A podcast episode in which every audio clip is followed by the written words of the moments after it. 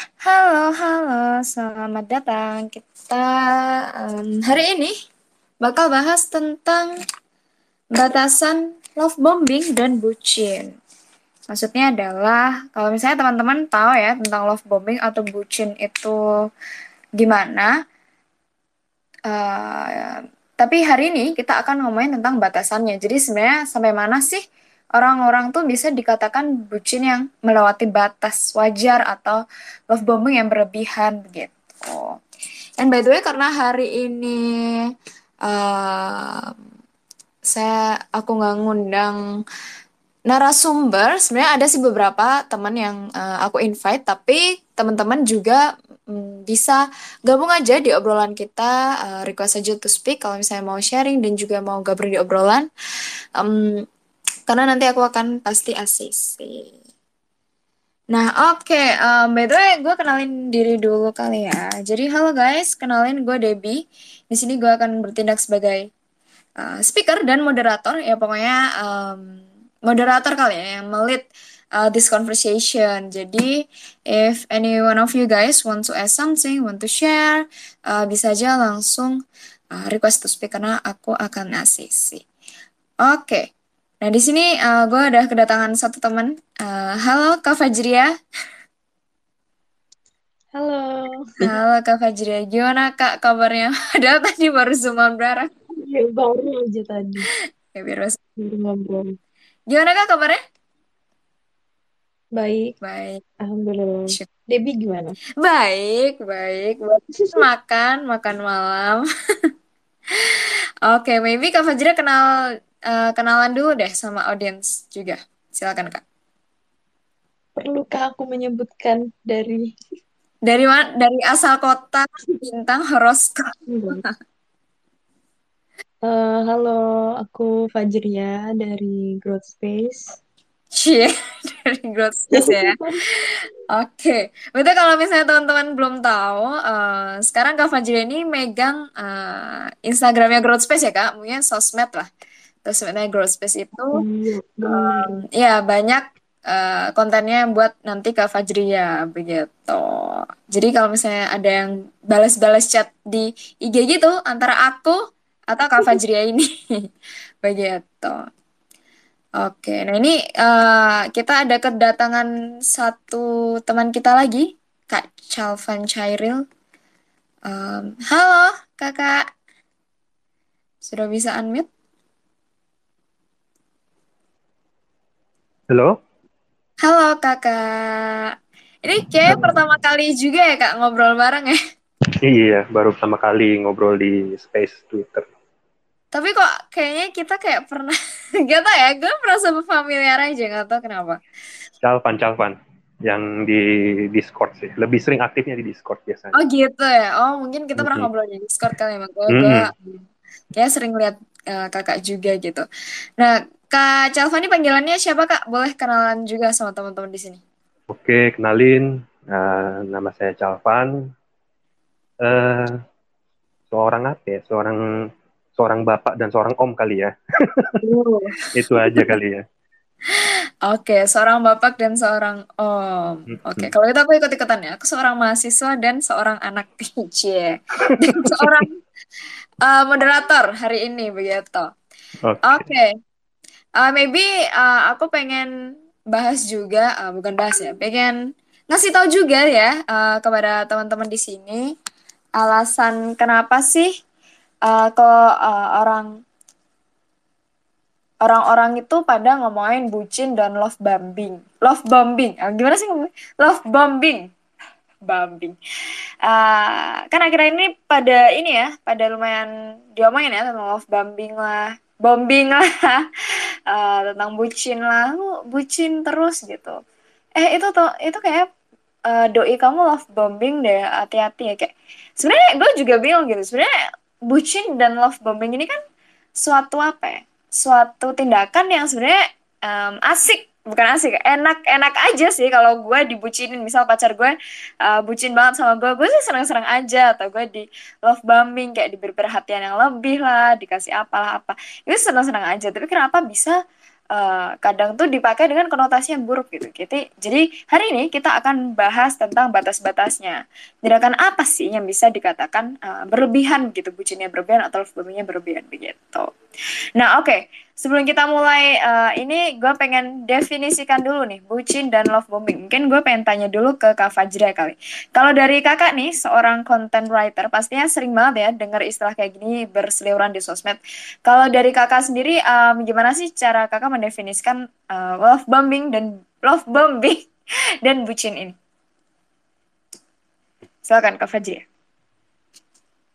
Um, sejujurnya, Aku juga baru tahu sih soal istilah oh, ya? uh, love bombing. Iya. Uh, menurut aku eh beda ya, beda dengan bucin. Mm -hmm. Jadi kalau misalnya love bombing itu perilaku yang dilakuin seseorang, ini dari yang aku baca aja ya.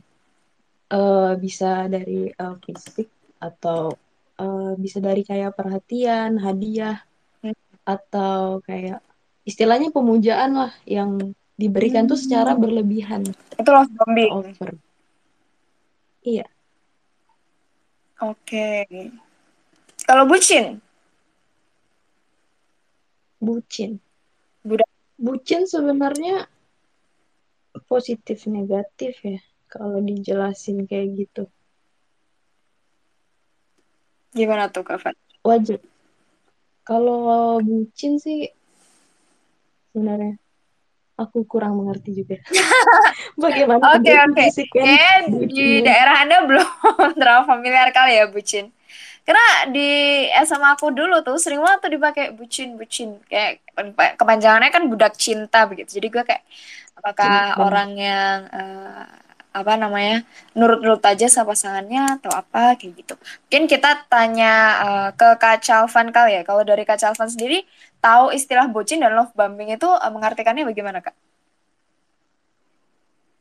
Iya, kalau apa dari pengalaman juga terus juga sempat uh, baca-baca ya dan entah itu dari uh, turis Denis ya di tulisannya di On the Edge Political Codes Rights and Left terus juga ada uh, James Oliver salah satu pakar psikologi yang dia tulisannya tentang All Unit is Love Bombing itu banyak banget uh, artinya ya tapi kalau di di dengan bahasa saya sendiri sih kayaknya bucin itu adalah situasi ya. gitu ya kondisi yang dialami oleh seseorang gitu ya. jadi kayak oh gue lagi bucin banget nih gitu ya. Bucin sama siapa? Masih doi gitu ya. Hmm. jadi lebih ke situasinya gitu. Oke okay, situasi. Dia pun uh, uh, kondisinya dia tuh lagi tunduk banget karena dia cinta sama si A misal. Kayak gitu. Nah love bombing ini ini lebih uh, banyak orang jelasinnya lebih ke tindakannya gitu. Love bombing itu ke tindakannya. Hmm. jadi orang yang bucin cenderung love bombing gitu sekalipun okay, okay. sekalipun sebenarnya orang bucin itu ada antara dua sih antara dia melakukan love bombing atau dia pasrah gitu. pasrah itu dalam arti lu apa yang gua aja gua nurut oh ya kan? saking iya bucinnya ya kan? saking bucinnya pokoknya wis aku nggak suka sambel buat kamu tak telan tuh hijau gitu kan gitu ya iya yeah. uh, ada yang uh, apa sih namanya submit sub, submission gitu ya. Jadi dia rela deh gue ikutin apa mau lo gitu ya. Ada yang love bombing gitu. Jadi bucin tuh kayaknya larinya jadi dua tuh. Yang aktif jadi love bombing yang pasif ya wis lah terserah kamu aja mas gitu kan. Hmm. ada yang kayak gitu. Nangkapnya sih lebih seperti oke. Okay. eh gue juga baru ke buka nih. Oh ternyata itu ya maksudnya uh, pengert maksudnya bukan pengerti pemahamannya gitu. Karena kadang emang temen gue yang kayak uh, sukanya pacaran mulu sukanya cowoknya atau ceweknya ngomong apa dia nurut dia iya iya aja itu ya termasuknya bucin sih. Karena uh, dia ya, kayak budak cinta. Kepanjangannya budak cinta kan ya. Jadi dia saking cintanya makanya jadi buta gitu kayak love is blind gitu. Kayak dia jadi bucin. Nah kalau love bombing bener banget sih kak. Lebih ke tindakannya kali ya. Lebih ke kayak um, melayani banget nih ke pasangannya atau uh, ngasih banyak hal ke pasangannya sampai uh, berlebihan mungkin ya diterimanya. Ngajak jalan terus atau uh, traktir terus itu mungkin lebih ke, ke tindakannya dari lo dari love bombing itu. Oke, okay, nah sekarang pengen tanya nih um, pengalaman bucin atau dibucinin. Kalau aku sih nggak pernah dibucinin, tapi aku bucin. Jadi gue tuh uh, dulu uh, selalu pengen ngajak keluar gitu. Kalau saya suka sama orang ya, jadi kayak pengen ketemu aja. Kalau nggak ketemu tuh nggak, oh gitu. gitu. Nah kalau dari Kak Chalvan sendiri pernah nggak sih bucin atau dibucinin orang kak? Uh, dibucinin orang pas lah pas udah nikah. Oh wow. Nah, itu itu baru terasa balance dong. Gue nya bucin dia bucin gitu. Hmm. Enak gitu ya. Hmm. Kalau dulu waktu kuliah bucinnya saya tuh sampai di titik apa ya? Bikinin skripsi. Hmm, Wah, bayangin. enak banget. Bikinin skripsi. Yes, exactly. Bab satu, bab dua, bab tiga gue yang bikin. Oh my god. Itu bucin banget sih. Bucin. Uh, jadi pikiran gue gitu. Uh, gue termasuk orang yang ini ya submisif gitu ya. Karena hmm. orangnya uh, ya wis lah. Gue cinta malu maunya apa gue turutin. Gitu kan. Dulu kayak gitu waktu kuliah. Nah, kebetulan si uh, mantan gue waktu itu kena tipes ya. Kena tipes waktu ujian skripsi itu tinggal berapa lagi? Dua bulan atau tiga bulan lagi. Mm -hmm. dua tiga, dia masih remedial. Gue mikir di situ kayak skripsi gue mah gampang gitu kan udah udah selesai semua gitu. Emang udah tinggal tinggal lulus aja lah pakai toga. Gitu kan. Nah yang mantan gue ini ceritanya pusing gitu kan ya tahu sendiri skripsi udah stres pengujiannya stres gitu kan -hmm. tipes ya aduh dibikinin akhirnya ya wis lah kamu istirahat aja tak bikinin. Uh, oh katanya emang kamu, over ya? Wow emang ini banget apa namanya ya karena pengen ngerasain inilah jangan sampai uh, gue nya lulus pasangan gue enggak gitu. Wow. lulus lah. Uh, tak tak bikinin. Kamu kamu ini aja dengerin kalau misalnya menurut kamu ini diperbaikin tinggal sebut aja. Bikinin bab satu bab dua bab tiga. Mantap ujung-ujungnya begitu udah lulus ya wis ya wis namanya orang bosenan ya kan masih anak-anak kuliah kan tapi nggak apa-apa okay. jadi jadi jago nulis gara-gara itu oh wow keren banget bisa mengambil hikmah dari pengorbanan ya iya, terpaksa mengambil hikmah yang lebih tepat Oke, okay, iya. oke. Okay. Berarti bucin sampai ngerjain skripsi doi. Enak banget sih. Ya, karena kakek yang over juga sih, tapi gue jadi doinya kayak, ah, gue sangat-sangat ter, apa ya, tersanjung banget sih sampai dibikin skripsinya, karena bab 1, 2, 3 tuh paling paling stres banget, revisinya banyak banget. Karena saya masih ngerjain skripsi ya Kak Javan. Jadi kayak, wah, keren, keren, keren. Nah kalau kayak gitu tuh, uh, apakah kakak waktu putus gitu ya? Bukan sekarang, karena sekarang kan udah, maksudnya udah move on gimana? Tapi waktu putus gitu, apakah nyesel kak? Atau kayak sa baru sadar gitu, oh dulu kok gue segitunya ya kayak gitu kak Cavan? Uh, nyesel bikinin skripsinya sih enggak gitu, karena uh, apa? Di satu sisi memang uh, termasuk suka sih suka nulis nulis kayak gitu hmm. dan kebetulan kan dia jurusannya tentang apa pendidikan anak gitu kan hmm. emang suka juga ngulik-ngulik tentang pendidikan anak jadi agak inilah kalau untuk skripsinya nggak terlalu nyesel ya lebih nyeselnya tuh ya kok putusnya cuma gara-gara bosan gitu Oh yang bosan oh, yang enak men... si sana atau yang iya. sini? Oh yang sana. Yang sana. nah, jadi lebih nyeseknya tuh karena bosen gitu. Makanya ketika kalau ada teman-teman curhat gitu, oh gimana ya, gue bosan nih, wah rasanya emosi gitu kan, lu bosan gitu kan. karena karena ada ini ada ada pengalaman bahwa apa ketika punya pasangan bosen dan dia nggak ada effort untuk memperbaiki sesuatu atau minimal bicara itu buntu gitu nyesek tapi buntu karena dia yang langsung hubungan. pasif iya langsung dianya pasif nutup komunikasi disamper diem lah atau ngilang gitu kan Mm-mm. Eh, le- lebih lebih di situnya sih Ah. gitu tapi kalau kalau effort nulisnya ya karena emang demen nulis ya ya udah gitu Hmm, oke oke. Hmm. Jadi bahasanya apa ya? Gelo, gelo. Perasaan em, agak nyesel dan gak enaknya waktu segampangnya itu di di apa ya? Dilepas Dibuang. gitu ya, dibuang. apa sih bahasanya? Abis sepah, habis manis Habis disap manis. manis disap sepa dibuang sepah dibuang. Iya. Nyesek banget sih, nyesek nyesek. Oke oke. Ya, tapi sekarang sudah happy lah ya. Oke, bagus bagus kacau. Oke, nah ini em, Kak Fajia nih Kak. Kalau dari Kak Faj sendiri, pernah bucin atau dibucinin Kak Faj? Em, pengalaman bucin aku agak menyedihkan sih. Gimana tuh? Karena kalau misalnya bucin ke orang yang bukan pacar itu termasuk eh, bucin atau enggak sih?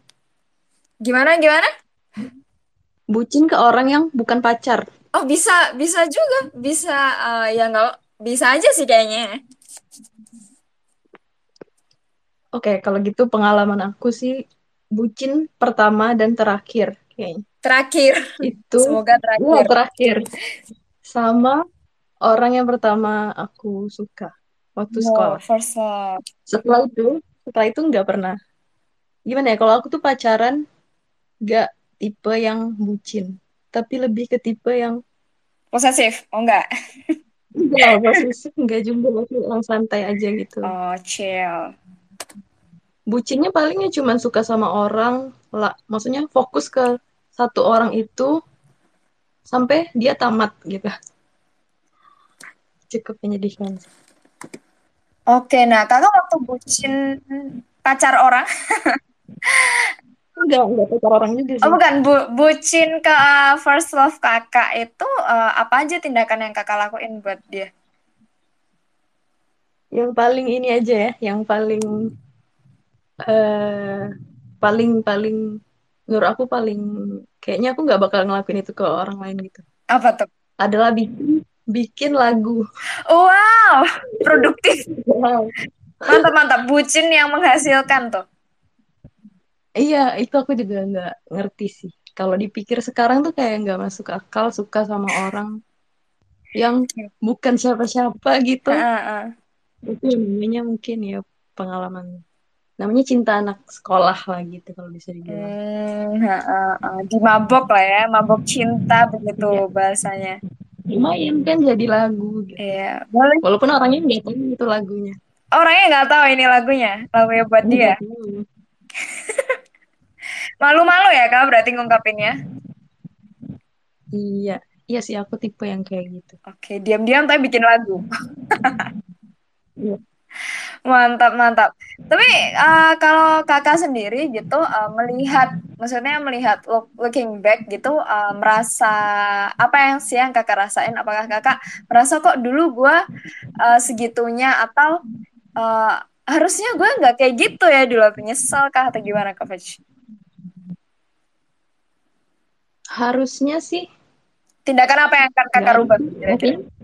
Eh, kayaknya nggak nyesal sih kalau untuk eh, mikir lagi itu kan masih sekolah juga. Terus waktunya juga nggak kebuang gitu karena ya nggak pacaran gitu kan maksudnya. Ya cuma merhatiin gitu doang. Dan yang nggak pengen yang kayak harus jadian juga gitu. Oh, tahu oke. sih. Kalau orang lain mungkin Saking sukanya aja ya. Iya, iya ngag- mengagumi aja lah intinya. Oke, oke. Mantap, mantap. Boleh lagunya nanti bisa di-upload ya, Kak? Kita tunggu atau enggak langsung dikasih ke perusahaan rekaman. Tapi masih hafal loh lagu sampai Wow. Oke, gue harus tahu deh ini. Aku tunggu Kak Fajri. Okay. nah kalau dari Kak Fajria sebenarnya kalau ngelihat uh, orang-orang teman-teman kakak yang bucin atau love bombing begitu, uh, apa sih uh, tindakan yang uh, menurut kakak itu bisa dikatakan berlebihan gitu? Tindakan bucin atau love bombing yang bisa dikatakan berlebihan itu seperti apa Kak Faj? Oh, aku ada pengalaman sih. Bukan pengalaman aku, tapi kayak uh, di di lingkungan aku itu uh, ya teman-teman lah. Um, dia itu pacaran tapi kayak melakukan uh, semua apa ya misalnya kayak pekerjaan rumah gitu. Saking bucinnya itu si cewek uh, rela gitu ngerjain segala hal kebutuhan si cowok. Mungkin itu positif bukan positif hmm. gimana ya nggak masalah gitu ya kalau misalnya memang dia mau tapi menurut aku itu udah kayak over sih. Kalau ngerjain segala hal gitu ngurusin segala hal yang eh, seharusnya bisa dia urus sendiri gitu kan. Sudah sama-sama gede gitu. Terus oke jadinya malah kayak manfaatin gitu kali ya?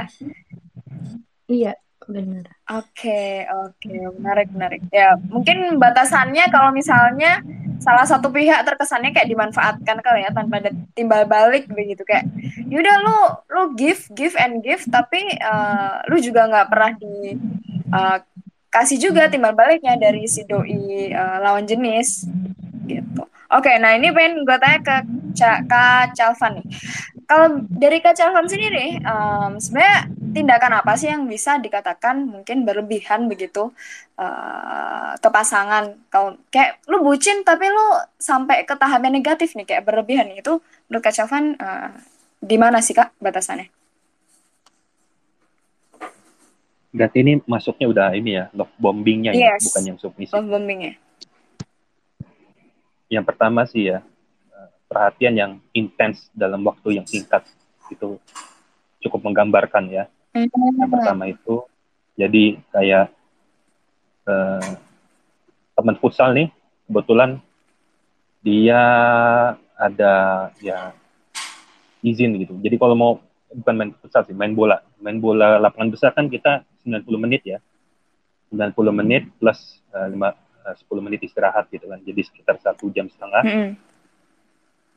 Itu padahal dia sebelum ber bertanding tuh udah ngomong, yang aku ini aku main bola dulu ya gitu. Hmm. Itu begitu istirahat minum pertama, uh itu udah langsung dibuka inboxnya, nah, itu udah ada 20 chat gitu. berdempetan gitu kan. Dari yang nanya awalnya alus gitu kan, e, gimana menang gak gitu kan, sampai yang ke bawah ke bawah ke bawah ini, wah ini makin makin kencang nih uh, chatnya gitu kan ini jangan-jangan kamu keselengkat ya HP-nya jatuh ya retak ya ini. Waduh jadi ke mana-mana gitu ya. Itu itu pasti bikin gusar.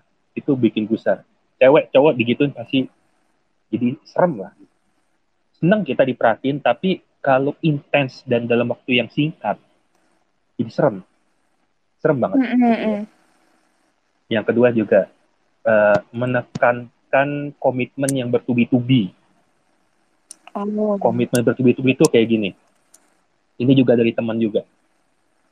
Jadi ketika ada janji gitu, uh, temen ada janji sama istrinya, terus dia bilang, ya aku ini dulu ya, uh, latihan sparring dulu. Kebetulan kita ada uh, kayak latihan taekwondo gitu juga, gitu kan. Aku latihan dulu ya. Terus istrinya nanya, selesai jam berapa? Uh, satu jam dari sekarang, dua jam dari sekarang gitu, gitu kan? Uh, ya, ya mungkin kita mungkin latihan satu jam setengah sayang gitu kan suaminya bilang. Hmm. Oke, okay, kalau telat punishmentnya apa? Oh my god, kayak uh. kayak guru aja, kayak coachnya dia aja. Itu lebih sangar daripada coach taekwondo kami gitu ya. itu, itu lebih strict daripada coach taekwondo kami yang yang istilahnya tuh dia masih lebih lebih friendly lah. Mm-hmm. gitu. Jadi komitmen bertubi-tubi gitu. Habis ini komitmennya ini. Kalau kamu meleset yang ini punishmentnya komitmennya apa? Gitu ya. Itu ujung-ujungnya ya kekhawatiran berlebih. Terus uh, pasti juga Yang ketiga nih, prasangka yang variatif pada pasangan dalam waktu singkat tanpa dasar yang kuat. Jadi kalau misalkan let's say apa uh, chat atau telepon yang nggak angkat gitu kan, padahal wajar lah yang namanya jam kerja atau jam dia lagi tidur telat telat itu wajar gitu kan, apalagi kantor gitu ya. Kita ketahuan bos main HP aja kan ribet tuh gitu kan. Mm-hmm. Nah itu uh, si cewek udah langsung perasaan oh jangan-jangan dia gini nih, oh jangan-jangan dia itu nih, oh jangan-jangan dia sama ini mentang-mentang jadi supervisor karyawannya dia yang cewek itu digodain ya. Oh wah gitu itu jadi ribut gitu. Itu prasangka vari yang variatif itu akan dia tampung akan dia tabung. Dan nanti pas ketemu pasti dia penasaran untuk nanya. Dan itu akan jadi interogasi yang menyudutkan gitu. Itu pasti terjadi ribut. Tujuannya bagus sih. Dia khawatir takut kehilangan. Yes gitu. Tapi caranya nggak seperti itu ya itu ujung-ujungnya pasti jadi exhausted. Jadi dua-duanya sama capek. Yang interogasi capek, yang diinterogasi juga lebih capek gitu kan. Sama-sama capek karena khawatir yang berlebih. Yang satu capek takut kehilangan, yang satu capek ngejelasin. Itu udah itu udah ciri-ciri love bombing yang uh, apa? Ya itu destruktif lah. Hmm. Itu tinggal menunggu waktu aja itu antara yang satu belajar untuk mengalah, untuk beradaptasi atau bisa pisah. Bahaya sih. Gitu. Oke oke oke. Jadi gue sadar nih sebenarnya kalau misalnya um, bucin atau love bombing yang berlebihan tuh sudah mengarah ke posesif ya kak sampainya Kak, sampai khawatirnya berlebihan, terus selalu menduga-duga nih berprasangka buruk janjian si uh, dia gini, janjian si dia gitu, sampai uh, jatuhnya malah uh, controlling, I think uh, sampai controlling begitu. Uh, atau bisa juga uh, dalam bentuk yang lain yang terlalu mengalah, terlalu submisif sampai jatuhnya yang pihak lain malah memanfaatkan begitu. Oke, oke, menarik, menarik. Nah, kalau menurut Kak Calvan sendiri, kenapa sih orang bisa sampai bucin gitu? Like, uh, what's the reason behind that? Uh, menurut uh, pengalaman kakak ya, maybe apakah emang orangnya emang setia aja atau emang uh, rasa suka berlebihan atau bagaimana gitu Kak Chelvan? Ya, baik dari pengalaman atau kita baca-baca bukunya James Oliver hmm? atau pendapatnya dari Dodson Lance itu sama sih. Intinya uh, kenapa mereka sampai pengen love bombing seperti itu? Karena intinya mereka takut kehilangan. Ya, intinya takut kehilangan semua takut kehilangan, yes. Hanya saja ketakutan mereka untuk kehilangan ini tidak bisa mereka kontrol. Sehingga mereka jadikan itu sebagai sebuah apa ya, eh, sebuah pemicu di pikiran mereka. Yang awalnya masalahnya cuma satu, jadi berkembang. Hmm. Jadi uh, critical jadinya jatuhnya seperti critical thinking Nah, critical thinking ini yang seharusnya kita pakai buat bikin skripsi, buat bikin bisnis, buat berkarya. Critical thinking ini jadi kepake buat berburuk sangka dalam judul takut kehilangan. Nah, ini yang akan memicu pentingnya itu. Tujuannya baik, tapi jadi jadi selalu yaitu tadi ya, owning gitu ya. Takut kehilangan. Nah, submisif juga sama. Submisif itu juga dia takut kehilangan. Takut kalau ntar aku taruh pendapat aku, dia jadi begini. Dia takut, dia nanti pergi dengan orang yang mau menerima. Nah, intinya kita harus tanamkan sama-sama bahwa kita harus siap kehilangan. Jadi dengan mindset siap kehilangan itu, kita bisa mengontrol rasa takut kehilangan kita. Agak-agak lebih mending. Jadi kita bisa berkomunikasi dengan lebih tenang. Karena kita tanamkan dalam mindset kita bahwa I love you gitu. I don't wanna lose you but if that the time come I'm ready hmm. oke okay, oke. Okay. jadi berawal dari maybe uh, anxiety atau isu-isu um, takut kehilangan tadi ya. Like for example uh, yes. gue takut nih ditinggalin atau takut banget nih nggak ada maksudnya sendiri sendiri lagi atau uh, takut dianggap uh, bagaimana maksudnya di dia apa sih dibenci sama si doi atau gimana. Jadinya dia uh, bisa banget tuh uh, mengikuti nih. Pertama-tama bisa mengikuti per, uh, keinginannya si doi. Kayak lu mau apa aja gue jabanin begitu. Atau malah jadinya malah controlling. Kayak nggak uh, boleh gini nggak boleh gitu nanti kamu gini nanti kamu gitu jadi berprasangka mulu kan oke jadi um, lumayan kebuka nih kan dikit sedikit ya um, kalau misalnya uh, orang bisa kayak gitu karena um, there's maybe uh, anxiety di dalam dirinya dan uh, ada isu-isu sendiri yang belum di resolve kali ya. Oke, nah by way, kita kedatangan lagi nih uh, salah satu teman kita, Kak Beatrix. Halo Kak Beatrix, akhirnya join juga ya Kak. Halo. Halo. Iya, akhirnya ya Kak. emang Twitter emang iya. suka error sih, tapi nggak apa-apa. Yang penting sudah join nih. Nah, Kak Beatrix, ini juga kita pertama kali ya Kak uh, ngobrol bareng di sini. Uh, boleh nih Kak Beatrix kenalan dulu sama teman-teman yang di sini. Oke, halo semua, salam kenal. Aku Beatrix. Uh, aku asli dari Jakarta. Sekarang uh, lagi jadi student ya di luar negeri, di Amrik. Dan kebetulan ini jam 5 pagi oh, di sini. Dedication. Iya. hmm? Dedikasi sekali. Iya, tapi excited Terima sih kasih ngikutin loh, pertama ini. Iya, sama-sama. saya. Ini bucin kah? Oh, bukan. bucin dengan growth space. Bagus, bagus. Nggak apa-apa, itu kan positif. Iya, bagus, bagus, bagus. Nah, kalau dari Kak Beatrix sendiri, kalau kakak sendiri pernah bucin atau dibucinin nggak, Kak? Eh, lebih seringnya dibucinin. Oh, mantap, bagus, bagus, Kak. Dibucinin biasanya um, uh, doi kakak ngapain aja sih kalau maksudnya kakak bisa nganggep itu tuh bucin atau uh, berlebihan atau bagaimana begitu kak? Uh, mungkin lebih sering kayak pertemuan ya, misalnya baru ketemu hari ini. Biasa tuh kayak ngomong, aku ketemu lagi dong, padahal kita oh. lagi sibuk, kayak gitu. Jadi akhirnya harus menyisikan waktu lagi buat dia. Tapi lagi mikir tuh, antara aku ikut kegiatan kampus, mm kan kayak ada kampus tuh kayak uh, kalau di Indo kan aku kan pernah saya ini mantan di Indo ya. Uh, jadi aku pernah uh, kuliah di Indo dan itu waktu itu um, gimana ya? Waktu itu ada acara gitu, habis kuliah gitu, ngumpul sama teman-teman dan aku tuh tipikal yang jarang ngumpul gitu sama teman-teman hmm. gitu kan. Jadi kayak pengen gitu ngumpul sama teman-teman tiba-tiba si doi nelfon ketemu nih ayolah pokoknya udah ngapain sih lo di sana gitu sama teman-teman kamu gitu jadi kita bikin bingung kan gitu kan pilih dia atau teman-teman kayak gitu padahal baru ketemu se sehari yang lalu gitu Aduh.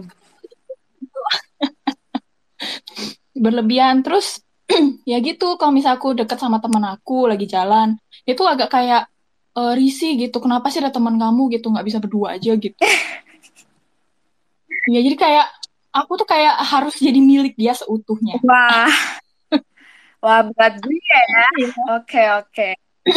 Kalau misalnya dari um, dari mungkin analisis ya, analisis kakak ngelihatnya, kenapa sih uh, pacar mantan ya, mantan berarti ya, mantan kakak bisa sampai segitunya gitu kak?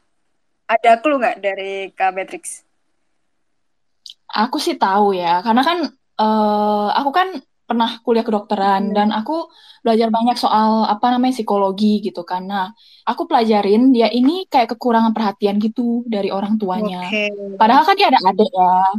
Tapi dia nggak cocok sama adiknya gitu, sering berantem sama orang tuanya juga, hmm. sering beda pendapat. Jadi gimana-gimana gitu kalau ada masalah, kalau dia lagi galau, dia pun sebenarnya selalu share-nya ke aku gitu. Oh. Gue aku galau nih, kamu temen aku. Okay. jadi gitu. clingy malahan tapi jatuhnya.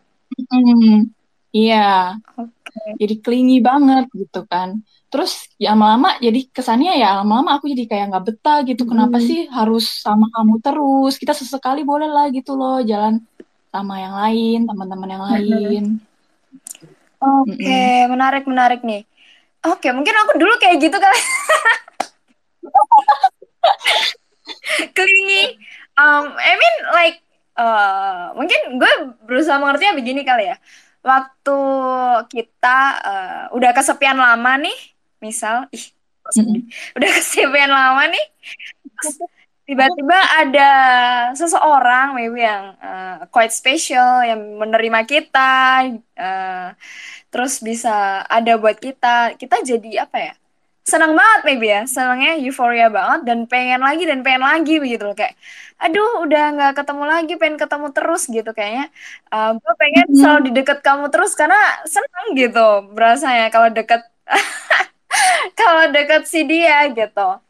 Karena udah lama banget nih nggak nggak ada yang nemenin nggak ada yang nggak ada tempat buat cerita Eh, nggak uh, ada yang ada nggak ada yang hadir ada dalam hidup. Waktu ketemu orang yang oke okay, yang bisa ngasih itu buat kita kita jadi uh, pengen lagi dan lagi kali gitu ya. Mungkin ya yeah.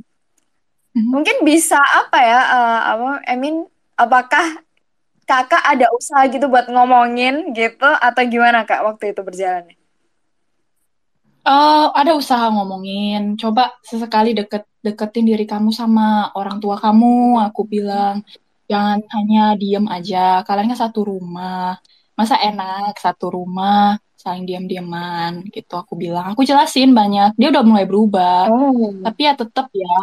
Mungkin Sama karena ya? udah besar dan udah terlalu lama. Hmm uh, berbeda pendapat itu udah susah ngubahnya. Agak susah ya kayak butuh berbulan-bulan untuk cocok lagi sama orang tuanya. Oke okay, gitu. okay. emang isunya harus di resolve dulu kali ya. From the root mm -mm. baru bisa sampai uh, selesai begitu. Oke okay, menarik nih. Benar. Nah kalau dari kak uh, Beatrix sendiri uh, menurut kakak tuh batasan orang bucin uh, sampai berasa kayak for example dikatakan berlebihan itu uh, menurut kakak saya mana sih apakah yang tadi kan emang di sudah dicontohin ya kayak uh, atau uh, kayak berusaha uh, ngebuat si doi kita jadi milik kita seutuhnya sampai dianya nggak ada outside uh, activities. Kalau dari kakak uh, gimana sih batasannya bisa orang dikatakan for example love bombing or bucin sendiri? Uh, kalau aku lebih lebih lebih familiar sama bucin ya kata mm-hmm. bucin dibanding love bombing mm-hmm. ya karena pengalaman sendiri. Kalau dari aku pengalaman aku kalau berlebihan itu ya seperti itu. Misalnya apa namanya selalu oh aku nggak lebih memen prioritas kita jadi lupa gitu kebanyakan kalau soal bucin. Misalnya udah diajakin eh kan kita kita lupa untuk beraktif apa untuk apa ya mengenal diri kita sendiri uh, tahu teman-teman kita sekitar kita pergaulan kita sampai dia mau batasin kita. Oh kamu nggak boleh berteman sama ini karena temen yang ini nggak batasin kamu deket sama aku bla bla bla bla. Terus uh, apa lagi ya kalau bucin ya kayaknya aku setahu aku cuman itu ya yang yang parahnya gitu. Bikin kita lupa sama diri sendiri itu sih yang yang mengerikan dari bucin itu menurut aku. Oke okay, oke. Okay. in a sense in a way again controlling tadi ya. Sampai tasi mm -mm. ataupun sampai kita ngerasa hubungannya udah nggak enak aja deh nggak sehat aja gitu ya. Oke mm oke. Okay, iya. Nah gue pengen tanya nih ke yang lain dulu ya kak. Um, boleh ke kak Fajra mm kalau dari kak Fajra sendiri nih um, apa sih kira-kira yang bisa apakah mendengar kak Fajra? Oke. Iya, tadi kepotong. Oke. Okay. Oke. Okay. Speakernya emang agak ini ya. Nah, kalau dari Kak Fajri sendiri sebenarnya um, apa sih sebenarnya bisa dilakuin mungkin ya dari pengalaman Kakak biar orang itu maybe uh, rasa cintanya atau rasa takut untuk kehilangannya tuh nggak sampai berlebihan sampai ngebuat mereka jadi bucin atau love bombing yang udah nggak sehat gitu Kak Fajri. Kalau itu uh, balik ke pribadi orangnya sih.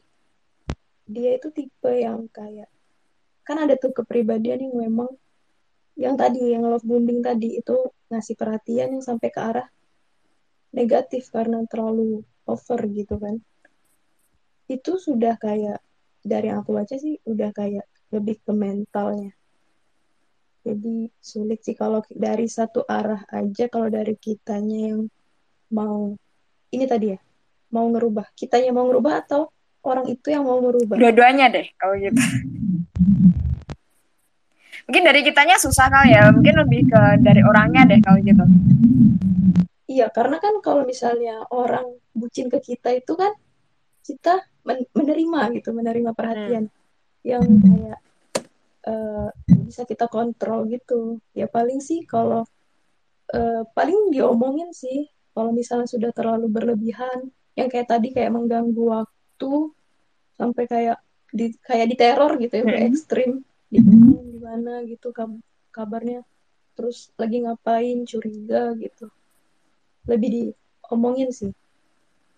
Kalau iya sih kayaknya dari kitanya cuma bisa gitu doang sih kalau susah soalnya susah, susah kan kalau mau merubah eh, dari orang lain yang kita nggak tahu tuh apa yang ada di isi kepala dia apa yang ada di uh, pikiran dia gitu Mm-mm.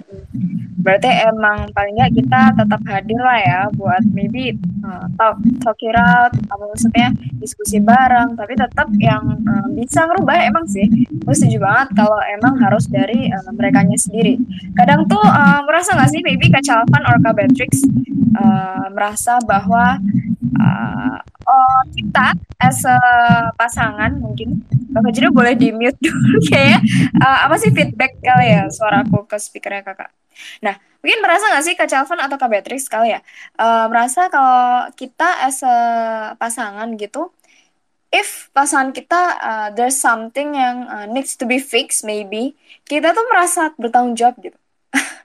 And if uh, kalau misalnya kita merasa seperti itu like I am responsible atau gue kayaknya ada di sini uh, bertugas buat ngefixin dia deh.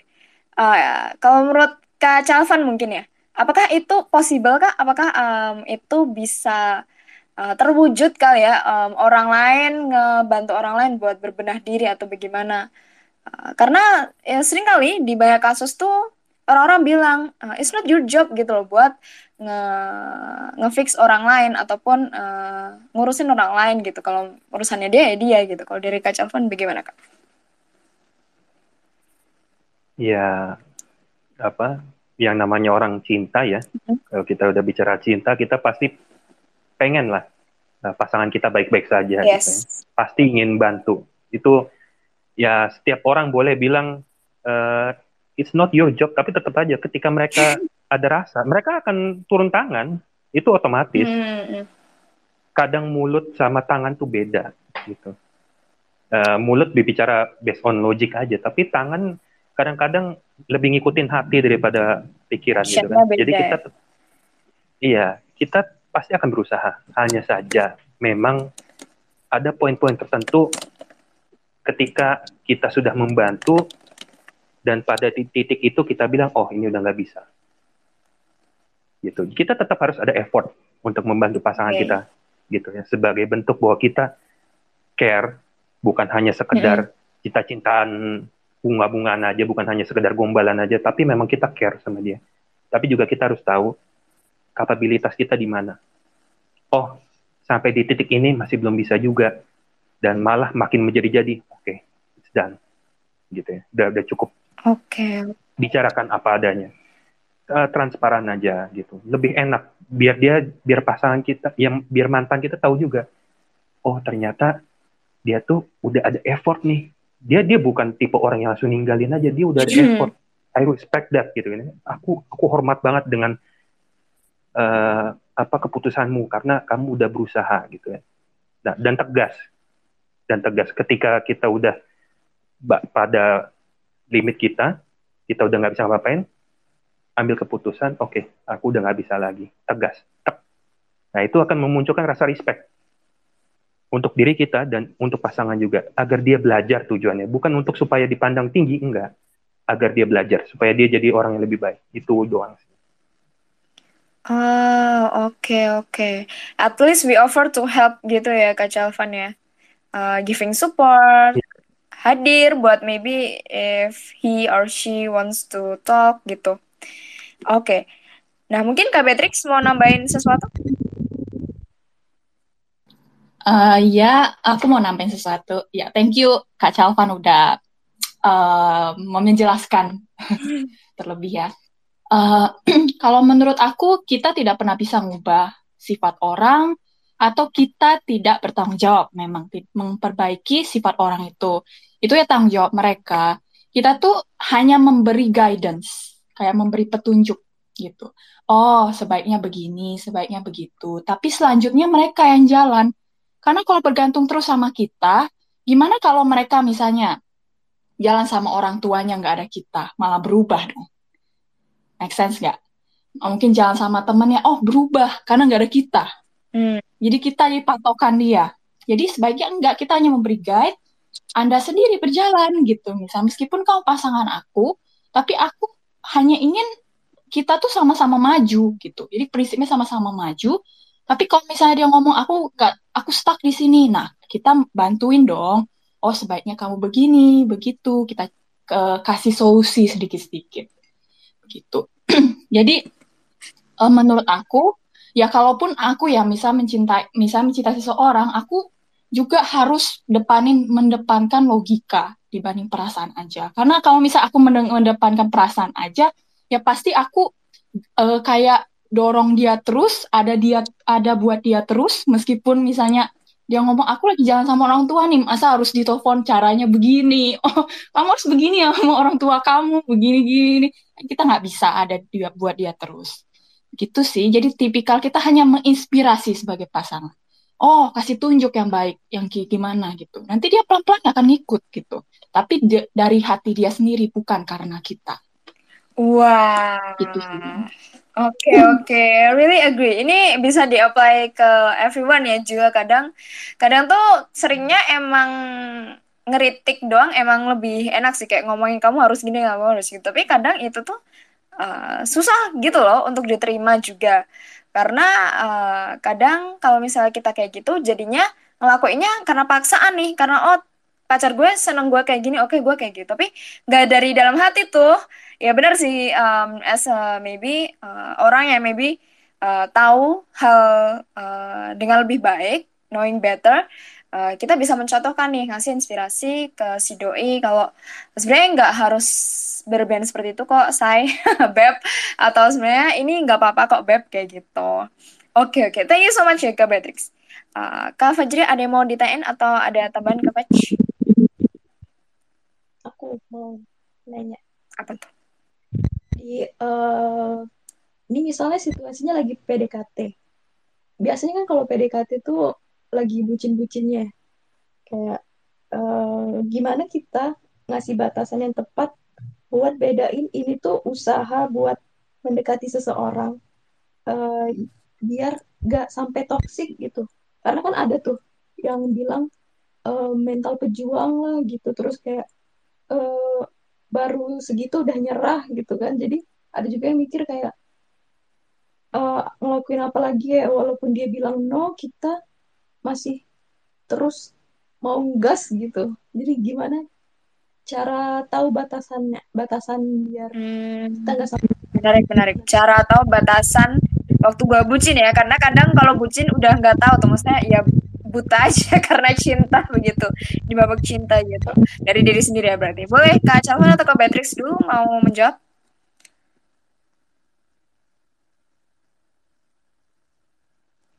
siapa duluan? Tunggu tunggu. Krik krik. Karena menunggu saling menunggu nih. Saling menunggu. Boleh deh kak Calvin dulu ya, deh.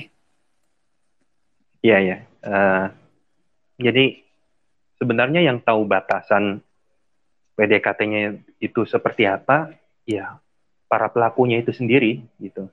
Setiap orang beda-beda gitu ya. Tapi kita tahu pasti kita dapat sinyal ketika kita dapat respon, oh kayaknya dia udah mulai pasif, ya udah cukup. Gitu. Misal dalam berkomunikasi via chat, kita udah tahu jam sibuknya dia, jam senggangnya dia, kalau misalkan sudah nggak dibalas atau balasannya sudah singkat itu udah sinyal, gitu ya. Ya pasti orang punya interpretasinya masing-masing gitu tentang pasangannya, tentang yang di PDKT-in ya gitu ya. Kayaknya dia udah mulai ngantuk nih atau udah mulai uh, let's say udah jenuh dengan chatnya. Ya sudah cukup gitu. Dan kita harus tanamkan mindset. Ya seperti yang tadi uh, saya bilang bahwa kita berani mencoba untuk datang gitu ya. Berharap supaya kita bisa jadi miliknya dia atau dia jadi miliknya kita. Kita harus tanamkan mindset bahwa siap nggak suatu saat kita akan kehilangan dia? Kita harus tanamin mindset itu dulu. Hmm. supaya apa? Supaya itu tadi supaya nggak panik gitu awal kepanikan love bombing controlling owning segala macam itu karena panik takut kehilangan yang berlebih nah makanya kita harus tanamin mindset dulu bahwa siap memiliki, siap kehilangan. Ya. Harus siap itu dulu. Siap nembak, siap diterima, siap juga ditolak kan gitu kan. Mm -hmm. Nah, jadi dengan seperti itu kita akan berada pada tahap yang oke. Okay, saya cinta tapi cinta secukupnya gitu. Karena bisa jadi yang saya harapkan tidak terjadi di realita. Sekarang saya senang sama kamu, besok belum tentu saya senang sama kamu. Bisa jadi besok kita jadi berantem jadi tetap pada pada kondisi yang tenang gitu.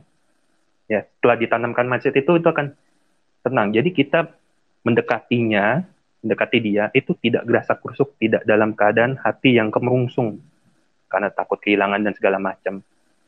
Gitu. Nah, sisanya, sisanya ya itu para para pelakunya sendiri yang paham komunikasinya jam berapa, stylenya seperti apa, tegurannya seperti apa. Ada orang yang memang tegurannya harus lembut. Tapi ada juga pasangan yang tegurannya tuh kayak, eh, apa kabar lunjing gitu. Ada yang kayak gitu. Mm. Tapi buat mereka itu nggak kasar gitu. Buat saya itu kasar, tapi buat mereka itu itu cara mereka enjoy gitu. Nah, makanya kalau untuk teknisnya mungkin kita serahkan ke para pelakunya masing-masing. Semua semua pasti punya stylenya, tapi intinya itu tadi harus tanamin mindset dulu ya dan be ready untuk membaca sinyal-sinyal ketika dia sudah jenuh. Kalau sudah jenuh, nggak usah dipaksa. Tenang aja. Kalau memang nggak bukan jalannya, bukan dia orangnya, ya sudah. Berarti bukan dia orangnya. Masih ada yang lain. Gitu. Itu aja sih. Oke, okay, oke. Okay. What a great answer, Kak. Uh, harus tanya nih, pertanyaan paling penting uh, kalaupun sudah jadi, sudah jadian, siap nggak kehilangan? Karena kalau misalnya nggak siap, bisa berabe, bisa tambah, tambah takut, tambah takut, dan uh, apa pun gerak-gerik pasangan kita jadi amatin terus nih, karena saking betul. takutnya kan. Betul, betul. Dan melihat apa namanya kayak uh, pas COVID kemarin kan, om, tante meninggal pasangannya duluan gitu kan. Mm -hmm. Itu kan jadi jadi jadi insight buat saya gitu kan. Uh, insight pertama ya selain menghargai kehidupan yang insight yang kedua adalah bahwa sekalipun nanti udah jadi nih, udah nikah, itu tetap akan kehilangan antara kita yang mengantarkan dia ke liang lahat atau kita yang diantar oleh pasangan kita meninggalkan dia karena kita wafat duluan. Hmm. Suatu saat ngalamin itu. Hmm. Gitu. Jadi kita bahwa kehilangan itu fakta. Itu enggak itu enggak enggak akan leset. Suatu saat kita akan kehilangan. Siap enggak? tanamin itu dulu, nah itu akan lebih tenang kita dalam PDKT, lebih santai, lebih cool. Gitu. Cool itu nggak bisa dibuat, buat it cool itu harus harus dari mindset. Oke oke, thank you so much Kak Chavan. Penting banget sih dalam sebuah hubungan. Oke, Kak Beatrix, um, ada tambahan Kak Beatrix? Um, bagus banget sih dari Kak Calvan. Ya, aku cuma tambahan sedikit ya. Kalau aku misalnya uh, dari misalnya dari lihat dari sisi bucin itu sendiri, menurut aku jadiin bucin itu sebagai hal yang positif malahan. Aku kalau hmm. aku misalnya kan seperti aku, seperti sama mantan aku deh contohnya, dia bucin ke aku. Nah, aku malah menjadikan itu oh bagus nih kalau dia deket sama aku, aku pelan-pelan kayak kasih ilmu nih ke dia gitu. Jadi kayak kasih edukasi, inspirasi dia untuk uh, do it better gitu. Menurut aku gitu sih kalau dari sisi aku ya. Terus apa lagi ya? um, yang pastinya uh, kalau misalnya udah bucin, kita harus tetap tanam boundaries. Benar yang kata Kak Calvan bilang, ya itu sih. Maksudnya ya harus harus ada batas begitu. Itu aja sih. Ya. Oke, thank you, thank you Kak Beatrix. Thank you juga ya Kak Fajra pertanyaannya. Jadi apa ya? Um, quite important questions yang uh, kadang kita sendiri as a mungkin bisa saja di pelaku uh, maybe uh, nggak jarang gitu tanyain karena kita ngelihatnya orang lain terus nih tapi kadang kita waktu ujian juga nggak sadari juga gitu Oke, okay, by ini uh, sebenarnya tadi ada yang naik, sudah aku approve, tapi kenapa ini ya nggak bisa ya? Mungkin kalau misalnya teman-teman mau tanya, boleh langsung aja request to speak ya, karena langsung aku ACC. Oke, okay, maybe lanjut ke pertanyaan tadi ya, ke uh, Jalvan, maybe aku pengen lanjut tadi yang tadi aku tanya ke Kak Fajri ya. Sebenarnya uh, gimana sih uh, cara uh, buat kita uh, mengerti gitu loh batasannya sampai di mana gitu. Apakah yang gue lakuin ini berlebihan kadang kan uh, we really uh, don't understand gitu lah and how to maybe uh, stop and berbenah diri gitu mungkin kak Calvan mau langsung jawab Iya, jadi pertama-tama uh, kita harus pahami bahwa yang namanya berlebihan itu kan apa ya takarannya itu perseptif banget, subjektif yes. gitu ya. Mm -hmm. Ya, buat kita ini biasa gitu, tapi buat doi ternyata berlebihan. Bisa, Atau bisa kayak gitu. Buat kita, buat kita ini udah berlebihan, tapi buat doi ini kayaknya hmm, dia nggak terlalu bersemangat ya kayaknya sama gue gitu. Kayaknya dia nggak suka dia sama gue, malah kurang gitu buat dia gitu ya. Sometimes seperti itu. Ya, jadi kembali lagi bahwa kita harus uh, tanamin mindset dulu bahwa nggak semua yang kita rencanain itu berhasil gitu. Supaya uh, ikhtiar kita rencana kita kelakuan kita itu lebih lebih soft lebih tenang gitu ya. Tidak tidak kemerungsung dari hati. Terus juga yang kedua yang kedua pastinya kita harus tahu betul uh, memposisikan diri sebagai orang apalagi yang belum jadi pasangan sah. Gitu. Ibarat kata kalau kata ibu saya sih ngaca deh belum jadi suami mah nggak usah ngatur. Belum ngasih nafkah nggak usah ngatur gitu. Kalau hmm. kalau uh, ibu saya bilang ke untuk yang ceweknya ngaca deh gitu kan. Belum belum berani buka mahar belum nikah atau belum belum ngasih sesuatu yang spesial jangan ngatur-ngatur dulu melebihi ibunya gitu. Ya itu bahasa kasar orang orang ini ya orang orang tua kita dulu gitu ya tapi itu menjadi sebuah apa ya sebuah peringatan yang harus kita dalemin bahwa kita harus memposisikan diri. Kalau kita baru PDKT kita harus hati-hati. Kita ini hanya tamu loh. Mm. kita hanya tamu di kehidupannya dia. Seperti halnya kita bertamu di ke rumah orang ya kita harus pahami oh mau bertamu ke rumah ini kira-kira di jam ini orang ini lagi sibuk nggak ya? Lagi kosong nggak ya? Gitu oh lagi ada orangnya. Oke okay, kita mulai dulu dari ketuk pagernya. Oh dibukain. Oke okay. kita masuk ke ruang tamunya. Dipersilahkan dulu duduk baru kita duduk dan seterusnya. Kurang lebih analoginya seperti itu. PDKT pun juga harus seperti itu. Kita harus tahu oh nih jamnya lagi sibuk atau enggak. Kalau udah tahu dia update statusnya lagi main basket bu ya ya udah. Gak usah dibom gitu. Gak usah dibom di chat lagi, di chat lagi, di chat lagi gitu. Cewek atau cowok, cowok tuh sama. Kalau udah satu chat belum dibales, dua chat masih dimaklumi, tiga chat, wah ini kenapa ini gitu kan. Kalau udah sepuluh chat bertumpuk, nah ya udah serem. Begitu. Jadi kita harus tahu memposisikan kalau kita bertamu itu seperti apa. Gitu. Itu penting banget. Penting banget. Itu bagaimana ya kita paham lah pastinya yang kita incar tuh yang kita inginkan orangnya itu jatuhnya seperti apa, kita yang paham. Tiap orang masing-masing. Dan kalau ternyata udah dilakuin, udah semaksimal mungkin, udah hati-hati banget gitu ya. Eh malah nggak dapet, ya sudah, emang bukan jalannya. Santai aja gitu. Santai aja. Take it easy. Lama apa? Take it easy. Kalau emang udah maksimal, eh jadiannya sama orang lain, kawin lagi sama orang lain. Ya, wis datang cuma jadi tamu undangan nikahan ya udah. Ya udah santai aja. Jangan takut kalah jangan takut salah. Belajar hmm. aja. Anggap itu menjadi jam terbang anjay jam terbang lagi ya. Jam bukan jam terbang sih. Anggaplah itu jadi ya pembelajaran gitu.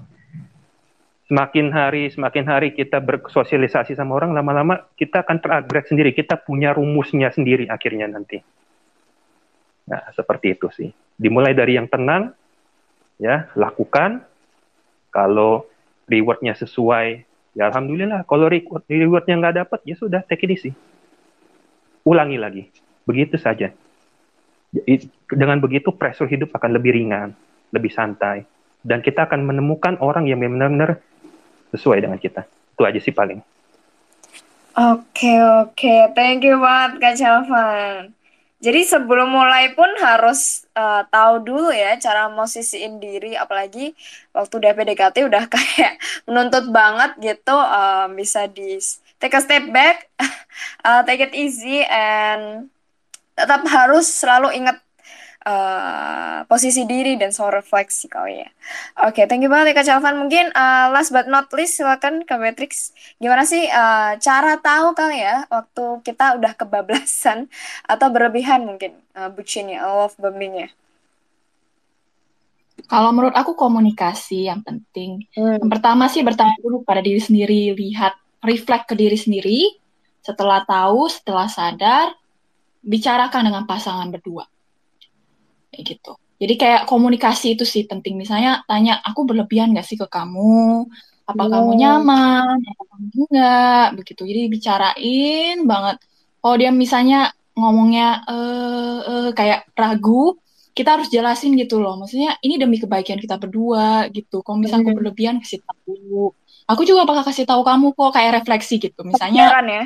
Uh, mm, misalnya ya carilah tempat misalnya di restoran tuh restoran yang apa namanya yang nggak terlalu berisik musiknya kayak gitu. Bisa tuh ngomongin berdua oh kayaknya begini deh kayaknya kita begini kurangnya di sini. Jadi kayak saling merefleksiin diri sendiri gitu sama sesama pasangan juga. Gitu. Oke mantap mantap. Selalu keep asking lah keep making sure apakah uh, si pasangan kita itu nyaman atau udah uh, malah gak nyaman begitu karena uh, dengan begitu kita jadi tahu nih oh ini loh batasannya oh gue tuh pasangan gue tuh nggak suka nih kalau ini uh, kalau gue kayak gini jadi uh, makin tahu juga kan ya maksudnya uh, pengennya pasangan tuh kayak gimana oke okay, oke okay. gue setuju banget kuncinya uh, communication Oke, okay, thank you banget uh, Kak Beatrix, Kak Chalvan, dan Kak Fajria. Uh, dan buat teman-teman yang udah hadir di sini, thank you banget. Uh, udah ngeluangin waktunya uh, buat sharing and also ngobrol uh, tentang batasan bucin dan love bombing. Uh, by the way, buat teman-teman nih um, yang pengen uh, bucin tapi nggak ada nggak ada doi yang dibucinin bisa uh, kalian uh, luangin waktu di komunitas growth space di komunitas Keluaran Sukamaju. Uh, betul ini Kak Chalvan, Kak Beatrix ini juga dari komunitas uh, Keluaran Sukamaju nih. Jadi uh, di sana kalian nggak uh, akan akan belajar tentang banyak banget hal. Uh, of course uh, main thingnya tentang self development. Tapi kalian juga bisa uh, dapetin teman yang supportive, support system. Uh, mungkin dapetin jodoh juga kali ya dari sana. Amin. uh, buat yang belum uh, dan stay tune uh, buat ikutin Twitter Space kita uh, uh, minggu depan. And thank you banget again Kak Calvan, Kak Beatrix, Kak Fajria buat sharing-sharingnya. Um, maybe kapan-kapan kita ngobrol-ngobrol lagi ya kali Kak, uh, beda topik begitu. And thank you guys, bye-bye. Thank you. Bye. Bye. Bye. Thank you, thank you, thank you, thank you.